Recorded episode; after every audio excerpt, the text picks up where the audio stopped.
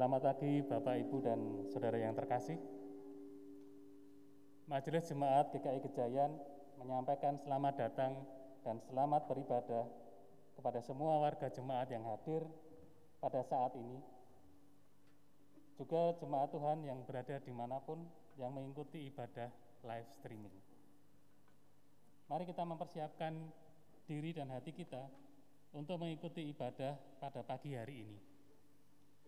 Saat ini kami mohon perhatian untuk menyampaikan beberapa hal sebagai berikut. Satu, mulai saat ini kita mengadakan uji coba ibadah tatap muka di gereja dengan undangan terbatas. Mohon jemaat untuk memperhatikan jadwal reservasi ibadah. Yang kedua, Majelis Jemaat GKI Gejayan mohon maaf belum bisa mengadakan ibadah seperti sebelumnya karena keterbatasan kapasitas tempat duduk yang disediakan. Mohon kiranya jemaat dapat berbagi waktu dan beri kesempatan untuk beribadah dengan jemaat yang lain. Yang ketiga, aktivitas gereja, baik itu persekutuan maupun pembinaan-pembinaan masih akan dilaksanakan secara online. Yang keempat, kelas katekisasi baru dengan pembimbing Pendeta Guratan Pamantasing Pragolaisa dan Ibu Susanti Ari akan dimulai pada hari Senin 20 Juli 2020 jam 5 sore. Saudara yang akan mengikuti kelas katekisasi ini dimohon untuk mendaftarkan diri ke kantor gereja baik melalui telepon, SMS, WA, ataupun datang langsung ke kantor gereja pada setiap jam kerja. Yang kelima, jemaat diharap memberikan persembahan secara non-tunai, dapat melalui transfer maupun scan barcode QRIS. Bagi jemaat yang ada di ruang ibadah, dapat scan barcode QRIS yang tertempel di bangku ibadah. Nomor rekening dan barcode QRIS dapat dilihat dalam slide berikut. Yang keenam, Majelis Jemaat akan mengadakan ibadah purna tugas dan peneguhan penatua baru pada hari Sabtu 25 Juli 2020 jam 4 sore di ruang ibadah GKI Gejayan dan akan disiarkan melalui channel YouTube GKI Gejayan. Yang ketujuh, GKI Gejayan membuka program Gejayan Tertulung merupakan satu program yang diangkat dari realita keprihatinan akibat pandemi COVID-19 dan dikemas dalam bentuk seperti pasar online yang bertujuan untuk saling menolong dalam hal perekonomian jemaat. Program ini diutamakan untuk anggota jemaat dan aktivis yang sudah punya usaha, yang baru akan membuka usaha, dan yang sedang membutuhkan pekerjaan. Informasi selengkapnya dapat dibaca di dalam Warta Jemaat. 8. Tanggap darurat COVID-19 diwujudkan dalam kegiatan sebagai berikut.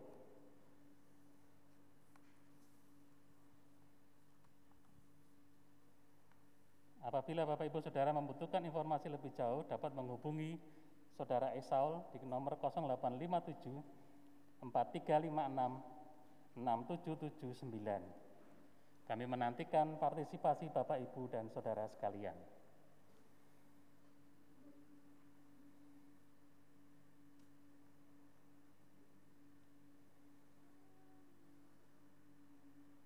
Yang kesembilan, Majelis Jemaat menghimbau kepada segenap jemaat yang membawa kendaraan pribadi atau mobil yang parkir di area parkir GKI Gejayan, baik parkir barat maupun parkir timur, agar tidak memberikan uang parkir secara langsung kepada petugas parkir, melainkan memasukkannya ke dalam kotak yang sudah disediakan di depan pintu masuk area parkir. Yang ke-10, jemaat yang beribadah onsite di GKI Gejayan selama pandemik COVID-19 ini wajib menggunakan masker dan face shield selama ibadah berlangsung. Ibadah pada hari ini dengan tema Hidup oleh Roh dengan pelayan firman Pendeta Ratna Indah Widyastuti. Mari Bapak Ibu Saudara, kita masuk saat teduh.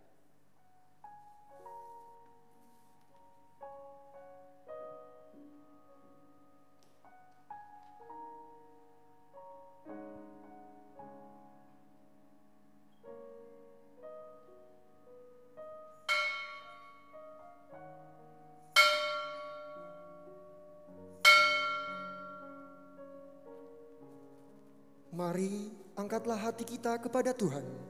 Sekalipun suara kita tidak keluar untuk menyanyikan lagu ini, jemaat juga bisa memuji Tuhan dengan gerakan seperti yang dilakukan pemandu gerak.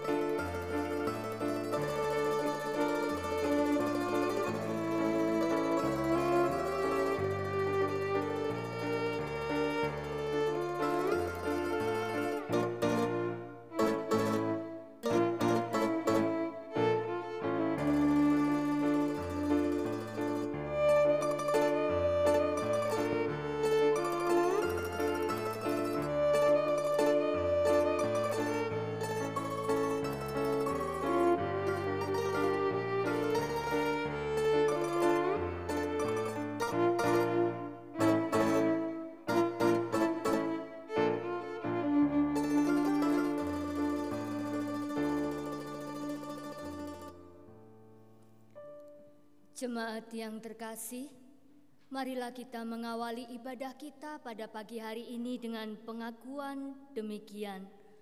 Pertolongan kita adalah di dalam nama Tuhan yang menjadikan langit dan bumi, yang kasih setianya tetap untuk selama-lamanya, yang memelihara umat manusia di tengah segala pergumulan dan goncangan kehidupan.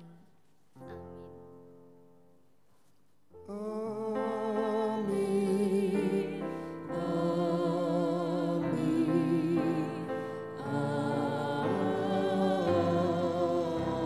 Amin.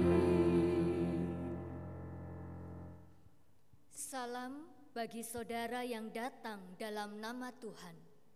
dan bagimu juga.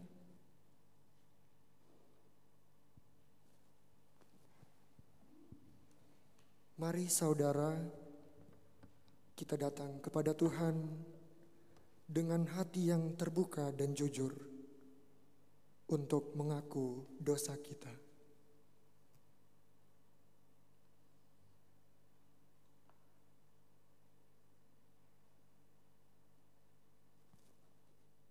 Ya Tuhan Allah yang mengenal kami, inilah pengakuan dosa kami, sekaligus permohonan agar Tuhan mengampuni kami. Amin. Jemaat terkasih, bagi setiap kita yang telah mengakui dosa di hadapan Tuhan, diberikan berita anugerah yang tertulis di dalam Yohanes 3 ayat yang ke-16. Karena begitu besar kasih Allah akan dunia ini, sehingga ia telah mengaruniakan anaknya yang tunggal, supaya setiap orang yang percaya kepadanya tidak binasa, melainkan beroleh hidup yang kekal. Demikianlah berita anugerah dari Tuhan. Syukur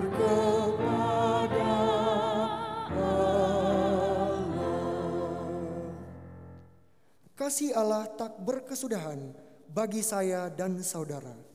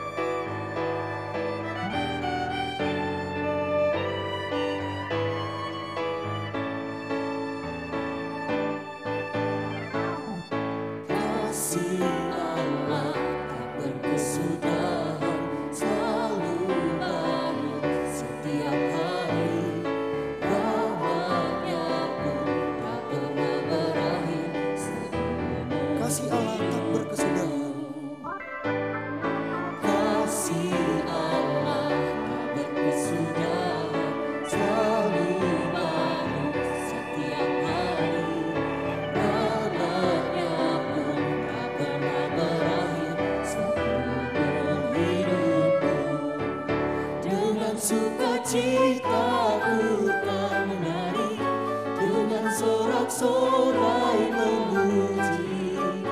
Gunakan pujian haleluya Nyanyi bagi dia sang raja. Nyanyi bagi dia sang Dengan sukacita ku kan menari. dengan sukacita ku kan menari Dengan sorak-sorai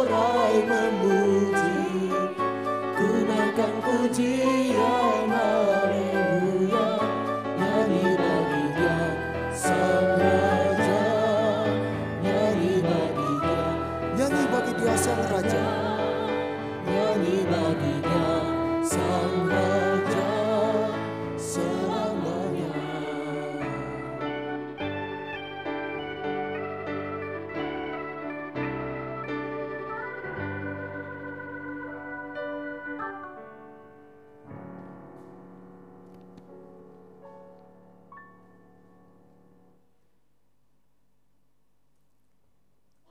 Jemaat terkasih, mari kita bersatu di dalam doa.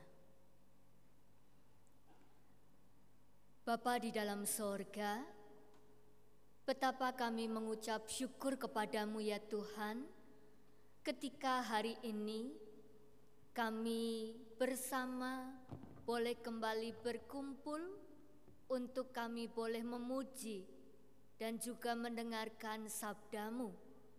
Terima kasih ya Tuhan, Tuhan memberkati, menjaga, dan senantiasa melindungi kami. Biarlah ya Tuhan, kebenaran firman yang bersama akan kami dengarkan, semuanya itu boleh menjadi suluh di dalam kehidupan kami.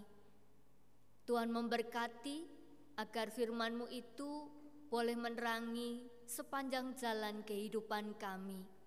Tuhan juga menolong di dalam keterbatasan, di dalam kelemahan, di dalam kekurangan kami. Biarlah Roh Kudus sendiri yang boleh berkarya, berbicara kepada setiap kami. Tuhan juga menolong, Tuhan melengkapi hambamu yang akan menguraikan kebenaran firman-Mu.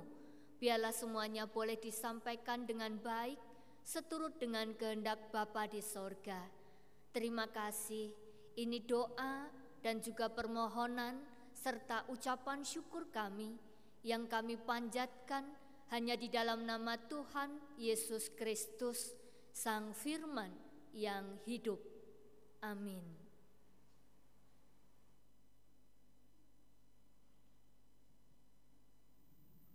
Surat Paulus kepada jemaat di Roma pasal 8 ayat 1 sampai dengan 10. Surat Paulus kepada jemaat di Roma pasal 8 ayat 1 sampai dengan 10. Demikianlah sekarang tidak ada penghukuman bagi mereka yang ada di dalam Kristus Yesus. Roh yang memberi hidup telah memerdekakan kamu dalam Kristus dari hukum dosa dan hukum maut. Sebab apa yang tidak mungkin dilakukan hukum Taurat karena tak berdaya oleh daging, telah dilakukan oleh Allah. Dengan jalan mengutus anaknya sendiri dalam daging, yang serupa dengan daging yang dikuasai dosa karena dosa. Ia telah menjatuhkan hukuman atas dosa di dalam daging, supaya tuntutan hukum Taurat digenapi di dalam kita, yang tidak hidup menurut daging, tetapi menurut roh. Sebab mereka yang hidup menurut daging memikirkan hal-hal yang dari daging. Mereka yang hidup menurut roh memikirkan hal-hal yang dari roh. Karena keinginan daging adalah maut, tetapi keinginan roh adalah hidup dan damai sejahtera. Sebab keinginan daging adalah perseteruan terhadap Allah karena ia tidak takluk kepada hukum Allah.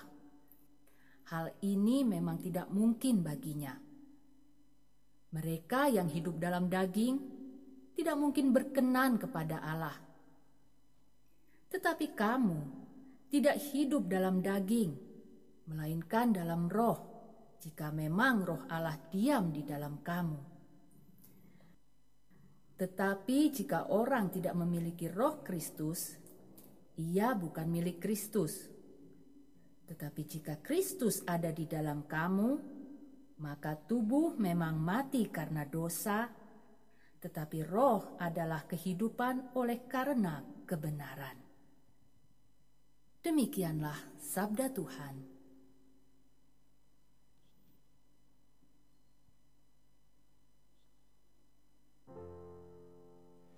Syukur kepada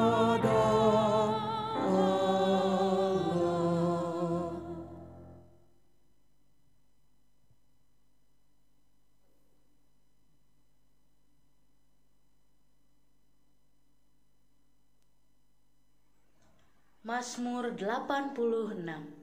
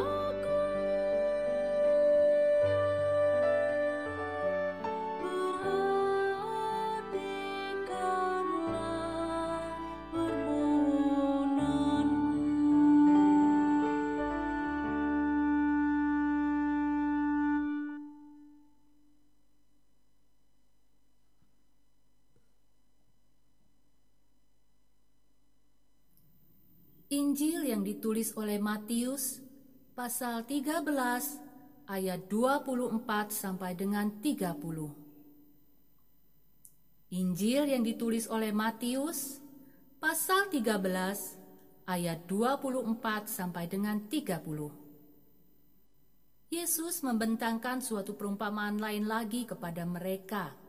Katanya, Hal kerajaan sorga itu seumpama orang yang menaburkan benih yang baik di ladangnya. Tetapi pada waktu semua orang tidur, datanglah musuhnya menaburkan benih lalang di antara gandum itu, lalu pergi. Ketika gandum itu tumbuh dan mulai berbulir, nampak jugalah lalang itu. Maka datanglah hamba-hamba Tuan ladang itu kepadanya dan berkata, Tuan, Bukankah benih baik yang Tuhan taburkan di ladang Tuhan? Dari manakah lalang itu? Jawab Tuhan itu, seorang musuh yang melakukannya. Lalu berkatalah hamba-hamba itu kepadanya, "Jadi, maukah Tuhan supaya kami pergi mencabut lalang itu?" Tetapi ia berkata, "Jangan, sebab mungkin gandum itu ikut tercabut pada waktu kamu mencabut lalang itu. Biarkanlah keduanya tumbuh bersama sampai waktu menuai. Pada waktu itu aku akan berkata kepada para penuai, kumpulkanlah dahulu lalang itu dan ikatlah berberkas-berkas untuk dibakar. Kemudian kumpulkanlah gandum itu ke dalam lumbungku.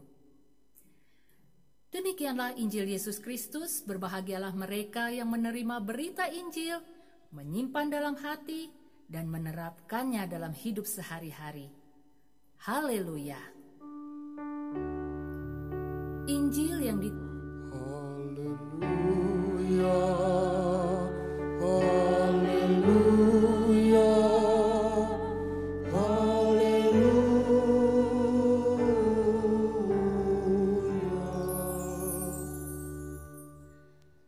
Selamat pagi Bapak Ibu Saudara yang terkasih di dalam Tuhan. Shalom. Selamat hari Minggu untuk kita semua dan juga bagi Bapak Ibu Saudara, anak-anakku terkasih di mana pun Bapak Ibu Saudara berada. Selamat hari Minggu untuk kita semua.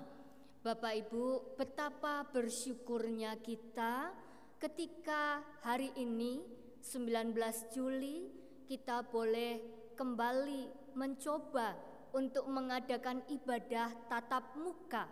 Sekalipun semuanya kita lakukan dengan ada begitu banyak ketegangan, namun di sini kita tetap menaruhkan harapan, pertolongan, perlindungan dari Tuhan untuk ibu bapak saudara sekalian dan juga untuk kita semua yang bertugas pada saat ini.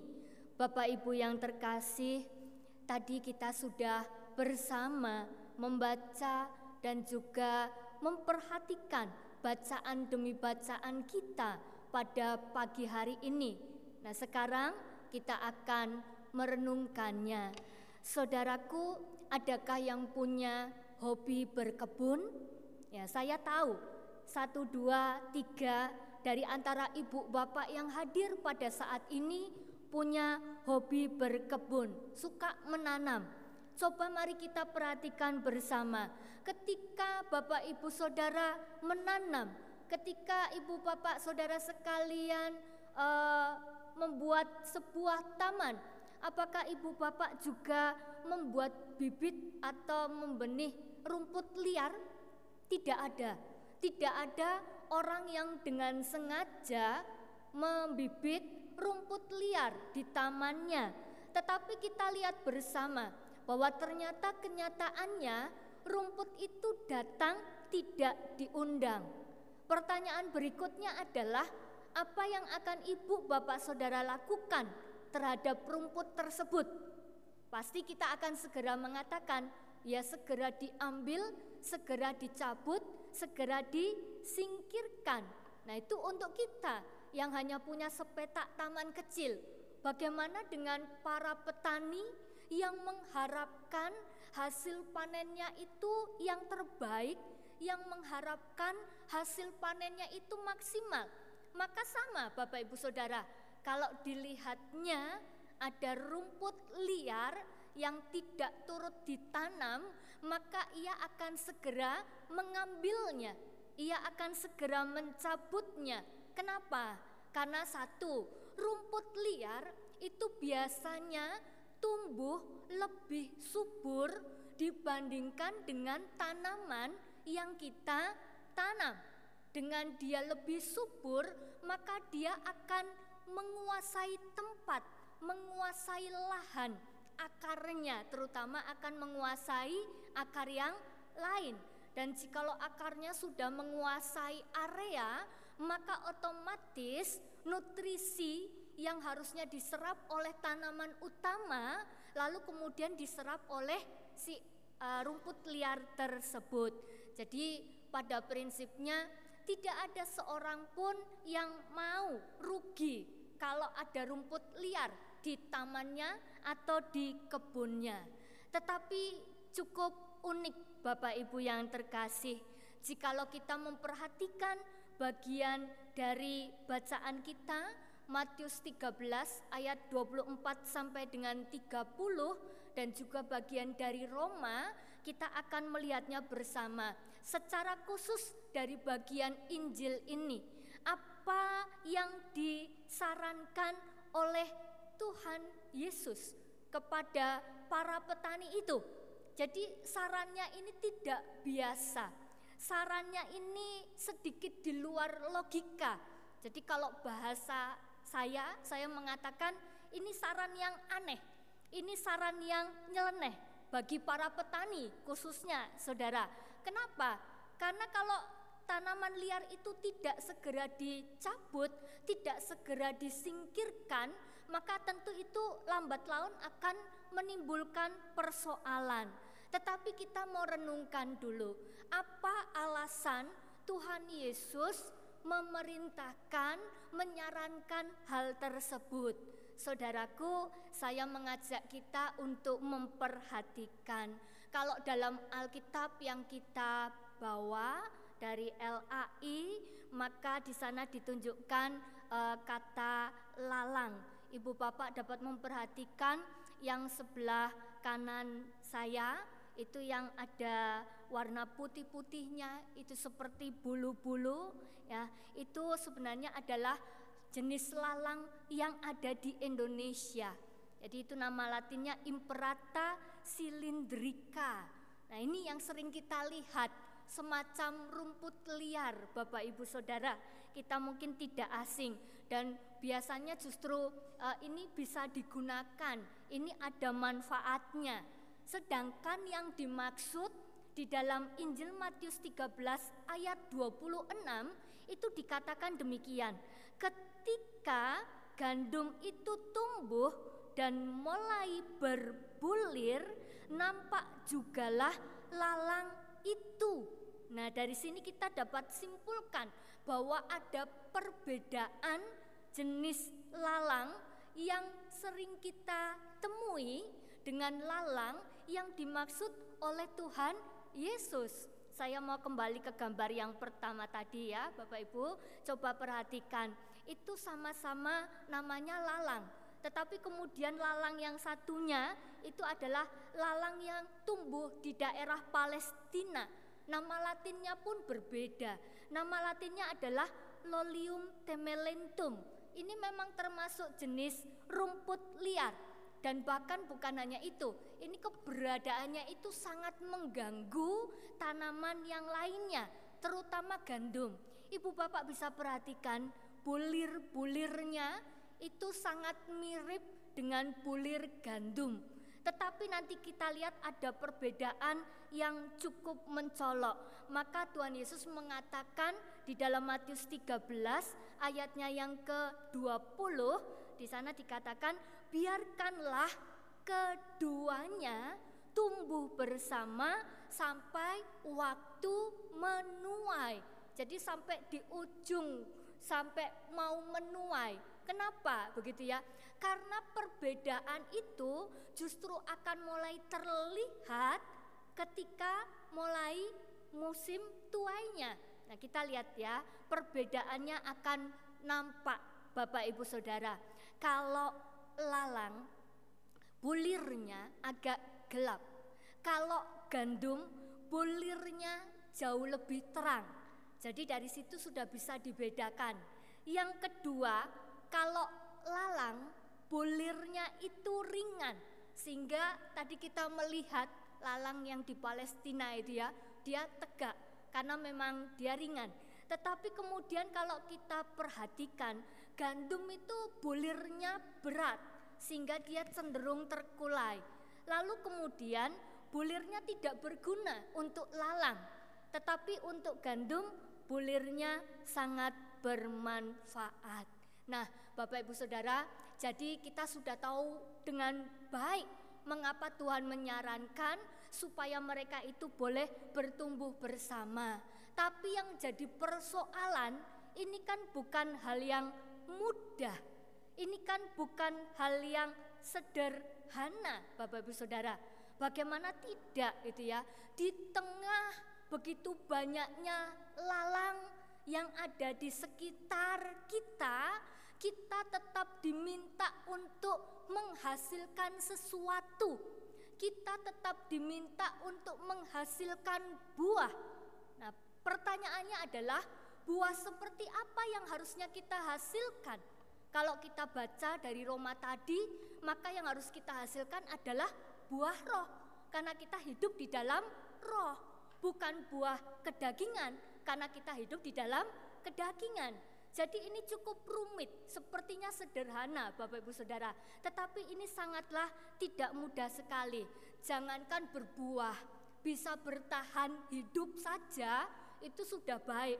Tetapi Tuhan justru mengajak kita semua tetap bertumbuh, tetap menghasilkan buah, tetap menjadi pribadi yang produktif di tengah begitu banyak hal yang mengganggu kita pada saat ini. Nah, saudaraku, terkait dengan pandemi COVID-19, kita menyadari bahwa ada begitu banyak tatanan yang berubah. Sekolah dari rumah, bekerja dari rumah, ada kalanya di shift bekerja dari kantor dan lain sebagainya. Tetapi kecenderungan ketika kita ada di rumah membuat kita bisa menjadi pribadi yang tidak produktif. Jadi kita harus hati-hati. Kita harus ingat senantiasa. Jadi ada kunci yang harus kita perhatikan Bapak Ibu Saudara supaya kita tetap produktif, supaya kita tetap menghasilkan buah.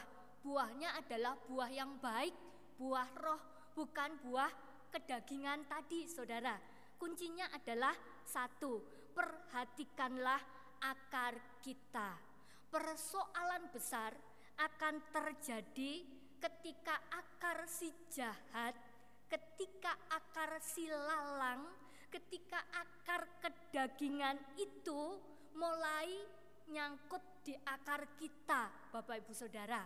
Itu hal sepele, mungkin baru satu begitu ya, tetapi lama kelamaan kita akan terjerat dan kita akan sulit lepas daripadanya. Jangan disepelekan karena akar silalang itu satulah akan menguasai tempat kita. Lalu kemudian yang kedua, mereka akan merebut nutrisi yang harusnya kita terima di dalam kehidupan ini. Ya. Jadi mari kita hati-hati karena yang mereka tawarkan itu bukan sesuatu yang tidak nyaman, bukan sesuatu yang tidak enak. Hidup dalam roh dengan hidup dalam kedagingan, saya rasa kita akan mengatakan jauh lebih mudah hidup mengikuti kedagingan kita. Ya, tetapi di sini Tuhan mengajak kita untuk kita terus hidup di dalam roh, produktif, menghasilkan buah yang baik dan maksimal. Pertanyaan berikutnya adalah apakah akarku kuat? Apakah akarku sehat? Ini penting Bapak Ibu Saudara. Mengapa? Karena akar yang kuat, akar yang sehat itu akan menentukan pertumbuhan kita, pertumbuhan dulu ya. Kalau akar kita baik, akar kita kuat dan sehat, maka kita akan bertumbuh juga dengan baik. Akar silalang itu tidak akan mempengaruhi kita dan akar yang sehat akar yang kuat juga akan menentukan hasilnya, buah yang akan kita hasilkan. Bisa kita berbuah, tetapi mungkin buah kita tidak berkualitas. Bisa kita berbuah, tetapi buahnya tidak maksimal. Bisa harusnya berbuah banyak, tetapi kemudian menjadi tidak banyak berkurang dari sebelumnya. Maka dari itu, Bapak Ibu yang terkasih, tidak mudah memang mempertahankan akar yang sehat dan kuat supaya kita boleh menghasilkan buah yang baik pula di mana pun kita berada, baik dalam dunia pelayanan, di sekolah, di kampus, tempat bekerja, dan di mana pun kita berada. Tapi ini adalah tantangan untuk saudara dan saya. Masihkah kita sanggup? Masihkah kita mau? Masihkah kita bersedia untuk menjawab setiap tantangan yang terjadi dalam kehidupan kita, Bapak Ibu Saudara? Tantangan kita adalah kedagingan, dan kita hari ini hidup di dalam daging, maka tentu itu akan jauh lebih kuat di dalam kehidupan kita. Tetapi kuncinya adalah jikalau akar kita kuat, hidup kita ada di dalam roh, maka itulah yang akan mendominasi kehidupan kita. Saat ini adalah saat yang sangat tepat sekali untuk memastikan siapakah diri kita. Kita ini gandum atau kita ini lalang. Caranya bagaimana? Gandum yang sehat itu produktif, saudara. Apa pun yang terjadi sekitar kita, gandum yang sehat itu produktif. Lalu kemudian, jikalau kita tidak produktif, jangan-jangan kita sedang tidak sehat. Sama seperti kalau kita sedang sakit, saudara, kita tidak bisa melakukan banyak hal. Ya jangan-jangan kita sedang menjadi gandum yang sakit, gandum yang tidak sehat oleh karena lilitan akar silalang tadi. Nah ini yang berikutnya yang penting juga menjadi peringatan kita semua. Jikalau kita membuat orang lain tidak produktif, Jikalau kita membuat orang lain justru hidup di dalam kedagingan, menghidupi kedagingan, jikalau kita tidak membuat orang lain berbuah dalam roh, maka sebenarnya kita adalah lalang. Jadi jangan sekali-kali kita meremehkan hal ini. Tuhan sedang mengingatkan kita. Pertanyaannya adalah apakah hidup saudara hari ini produktif menghasilkan buah roh tadi itu? Atau kita justru sedang tidak produktif dan sedang membuat orang lain tidak produktif, Saudara? Mari kita renungkan bersama ya. Pastikan akar saudara kuat. Pastikan saudara dan saya punya kualitas hubungan yang baik dengan Tuhan Yesus. Karena kalau kita punya kualitas akar yang kuat, maka lalang seperti apa pun seberapa banyak pun tidak akan bisa mengganggu pertumbuhan dan juga uh, hasil buah kita, saudara. Yang selanjutnya saya mau tunjukkan, saudara, ini istilah yang ngetren untuk anak-anak hari ini, kepo. Kepo itu rasa ingin tahu apa yang perlu kita perhatikan terkait dengan hal ini, saudara. Matius 13 ayat 27 sampai 28. Itu muncul pertanyaan, tentu ya, dari manakah datangnya lalang tersebut? Orang pasti ingin tahu. Ibu bapak kalau bertanam lalu kemudian rumput liar muncul, kan pasti bertanya, dari mana ya ini munculnya? Kok tiba-tiba sepertinya seminggu yang lalu tidak ada di sini, tapi kok tiba-tiba dia tumbuh tetapi Tuhan Yesus mengatakan demikian. Dengan perasaan ingin tahu, Yesus sudah mengatakan bahwa yang menaburkan itu adalah musuh, tetapi Tuhan mengingatkan kita semua bahwa kita tidak perlu tahu sebenarnya. Sudah jelas yang menaburkan itu adalah musuh, iblis, saudara. Maka jangan pikirkan itu, karena itu akan membuang waktu kita Tuhan mengajak supaya kita jangan menghabiskan waktu hanya untuk memikirkan si lalang itu, akarnya lalang itu, dari mana datangnya. Itu menyia-nyiakan waktu kita. Daripada memperhatikan akarnya si lalang, lebih baik perhatikan akar kita sendiri. Jangan perhatikan akar tetangganya, perhatikan pertumbuhan diri kita sendiri. Lalu kemudian juga di sana dikatakan Yesus mengajak saudara dan saya supaya kita jangan menghabiskan waktu hanya untuk memikirkan bagaimana caranya menyingkirkan mereka, bagaimana caranya mencabut mereka. Itu yang tadi saya pikir tidak sama dengan pola pikir kita, Bapak Ibu Saudara. Kenapa itu ya? Karena ternyata di situ bukan ide yang baik. Dikatakan jangan-jangan nanti kita bisa salah cabut, jangan-jangan nanti kita bisa salah ambil. Jadi kuncinya kita justru diajak untuk fokus pada akar kita, bukan fokus kepada akar silalang atau yang lainnya, saudara. Nah, hari ini sudahkah saudara memperhatikan akar saudara masing-masing?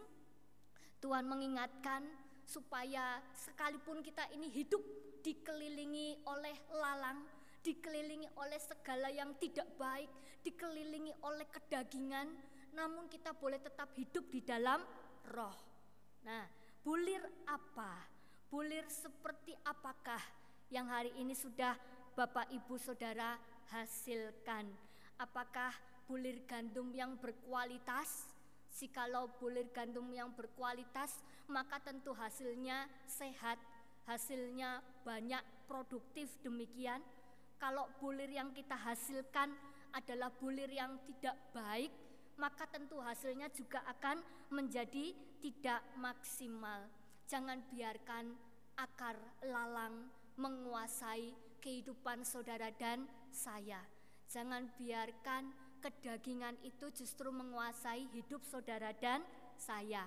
Dan kita juga diajak untuk berhati-hati, Bapak Ibu Saudara. Yang berikutnya adalah lalang dan gandum itu ternyata beda tipis, beti, saudara. Ya, jadi kalau ada lalang yang dari Palestina tadi, gandum itu mirip sekali dengan itu. Jangan-jangan kita sedang menyaru menjadi lalang tanpa kita sadari, atau jangan-jangan di sekitar kita ada yang sedang menyaru menjadi mirip dengan seperti kita, seperti bulir gandum. Ingat baik-baik, gandum sehat berkualitas pasti produktif. Anak Tuhan yang hidup dalam roh pasti dia akan sehat, berkualitas dan dia akan produktif dalam segala hal yang baik, termasuk di dalam memberitakan kabar baik di tengah situasi yang tidak baik pada hari ini. Gandum yang tidak sehat, tidak berkualitas, pasti akan tidak produktif. Semuanya kembali kepada akarnya. Saudaraku yang terkasih, maka kita harus berhati-hati untuk itu semua, dan jangan lupa bahwa dari semua ini akan ada akhir, akan ada akhir di mana Tuhan akan memisahkan yang tidak baik dengan yang baik. Tuhan akan memisahkan yang tidak benar dengan yang tidak benar, dengan tidak benar dengan yang benar. Tuhan akan memisahkan yang produktif dengan yang tidak produktif. Kapan waktunya itu Bapak Ibu Saudara? Ya, kita tidak tahu kapan masa tua itu akan datang.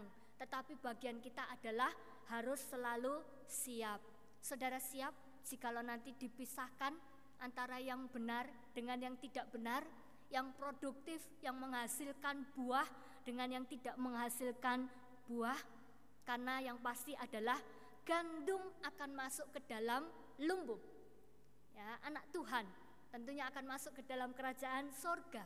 Lalang akan dikumpulkan dan kemudian akan dibakar. Mari saudara, kita sudah tahu di hadapan kita ada dua hal. Oleh karena itu saudara, mari kita fokus pada pertumbuhan akar kita.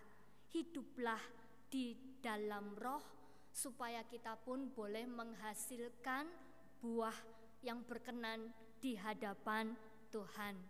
Bersahabatlah dengan dunia. Boleh bersahabatlah dengan lalang-lalang itu, tetapi bukan kemudian kita menjadi serupa dengan dunia. Kita tidak bisa menolak, kita tetap akan ada di sekitar lalang-lalang itu Tuhan mengizinkan mereka tinggal bersama dengan kita, tetapi bukan kita lalu kemudian menjadi sama seperti mereka. Yang Tuhan inginkan kita tetap bertahan, kita tetap bertumbuh, kita hidup di dalam Dia, dan kita menghasilkan buah yang baik. Amin. Tuhan memberkati. Mari Bapak Ibu yang terkasih kita masuk dalam saat teduh.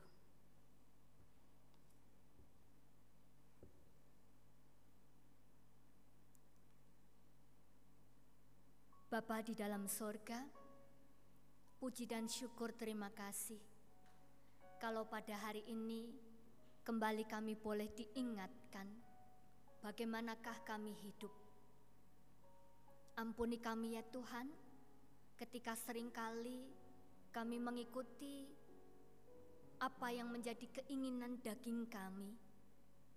Kami lupa bahwa seharusnya kami hidup di dalam roh Ya Tuhan, kami sadar bahwa di tengah begitu banyaknya lalang yang ada di dunia ini, Tuhan menghendaki kami supaya kami boleh hidup seperti gandum yang menghasilkan buah dengan begitu banyak, menghasilkan buah yang baik untuk orang-orang yang ada di sekitar kami. Terima kasih Tuhan.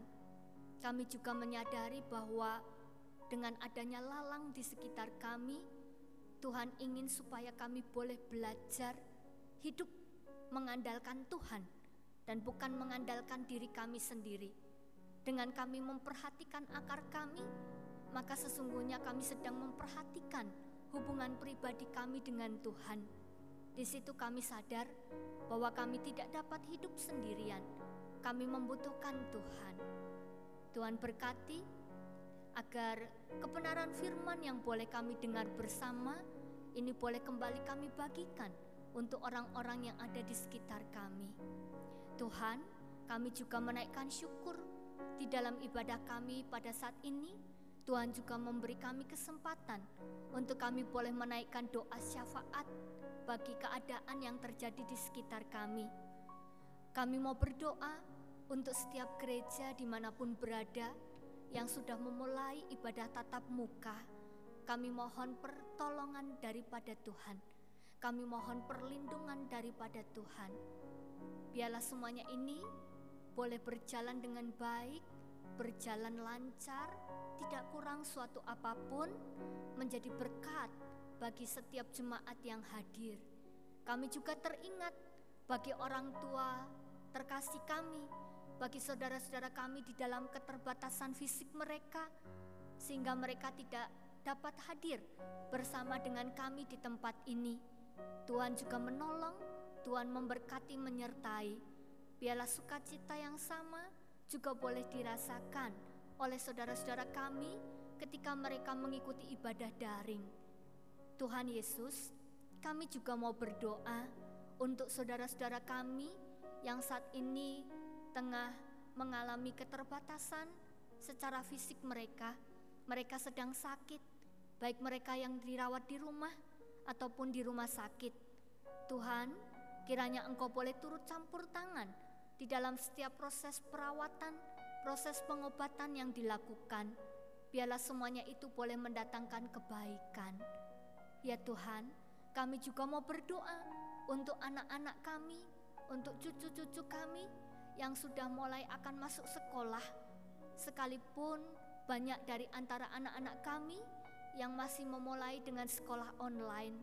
Berkati ya Tuhan, biarlah dengan segala keterbatasan yang ada, anak-anak kami tetap boleh bertumbuh. Bertumbuh tidak hanya di dalam iman kepada Tuhan, tetapi juga bertumbuh di dalam pengetahuan mereka.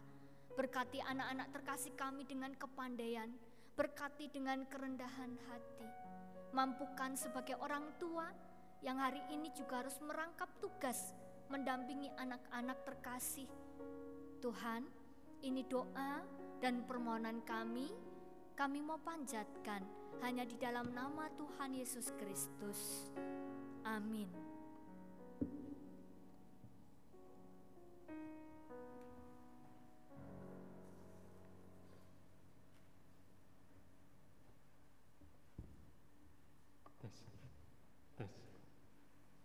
Mari jemaat Tuhan, bersama-sama kita memperbaharui iman percaya kita demikian. Aku percaya kepada Allah, Bapa yang Maha Kuasa, Khalik langit dan bumi, dan kepada Yesus Kristus, anaknya yang tunggal, Tuhan kita, yang dikandung dari roh kudus, lahir dari anak darah Maria, yang menderita sengsara di bawah pemerintahan Pontius Pilatus, disalibkan, mati dan dikuburkan, turun ke dalam kerajaan maut. Pada hari yang ketiga, bangkit pula dari antara orang mati, naik ke surga, duduk di sebelah kanan Allah, Bapa yang Maha Kuasa. Dan dari sana ia akan datang untuk menghakimi orang yang hidup dan yang mati. Aku percaya kepada Roh Kudus, gereja yang kudus dan am, persekutuan orang kudus, pengampunan dosa, kebangkitan orang mati, dan hidup yang kekal. Amin. Silakan.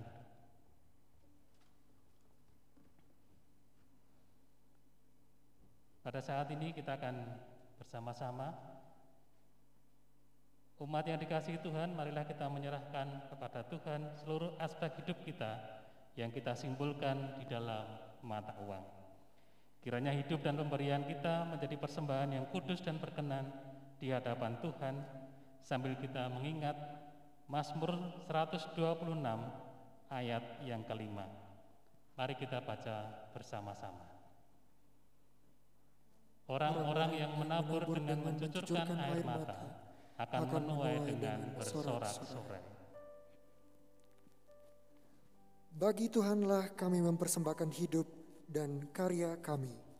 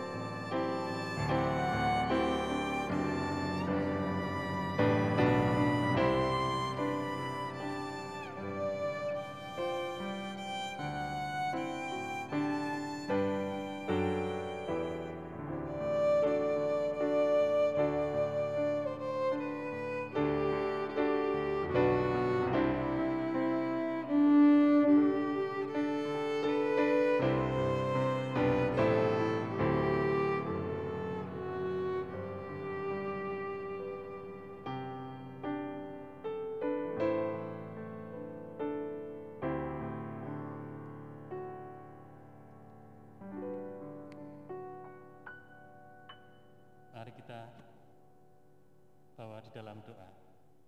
Mari kita berdoa. Bahwa dalam surga, inilah persembahan kami. Kiranya Tuhan bukan hanya harta kami, tetapi biar kiranya hidup kami boleh kami persembahkan untuk kemuliaan nama Tuhan. Terima kasih Tuhan, kami masih boleh berpartisipasi, kami masih boleh bersama-sama dengan gerejamu di tempat ini untuk saling memperhatikan dan dalam kami memberikan persembahan. Terima kasih Tuhan Yesus, berkati majelis jemaat di dalam mengelola persembahan ini untuk boleh menjadi berkat bagi orang-orang di sekeliling kami. Terima kasih Tuhan. Amin.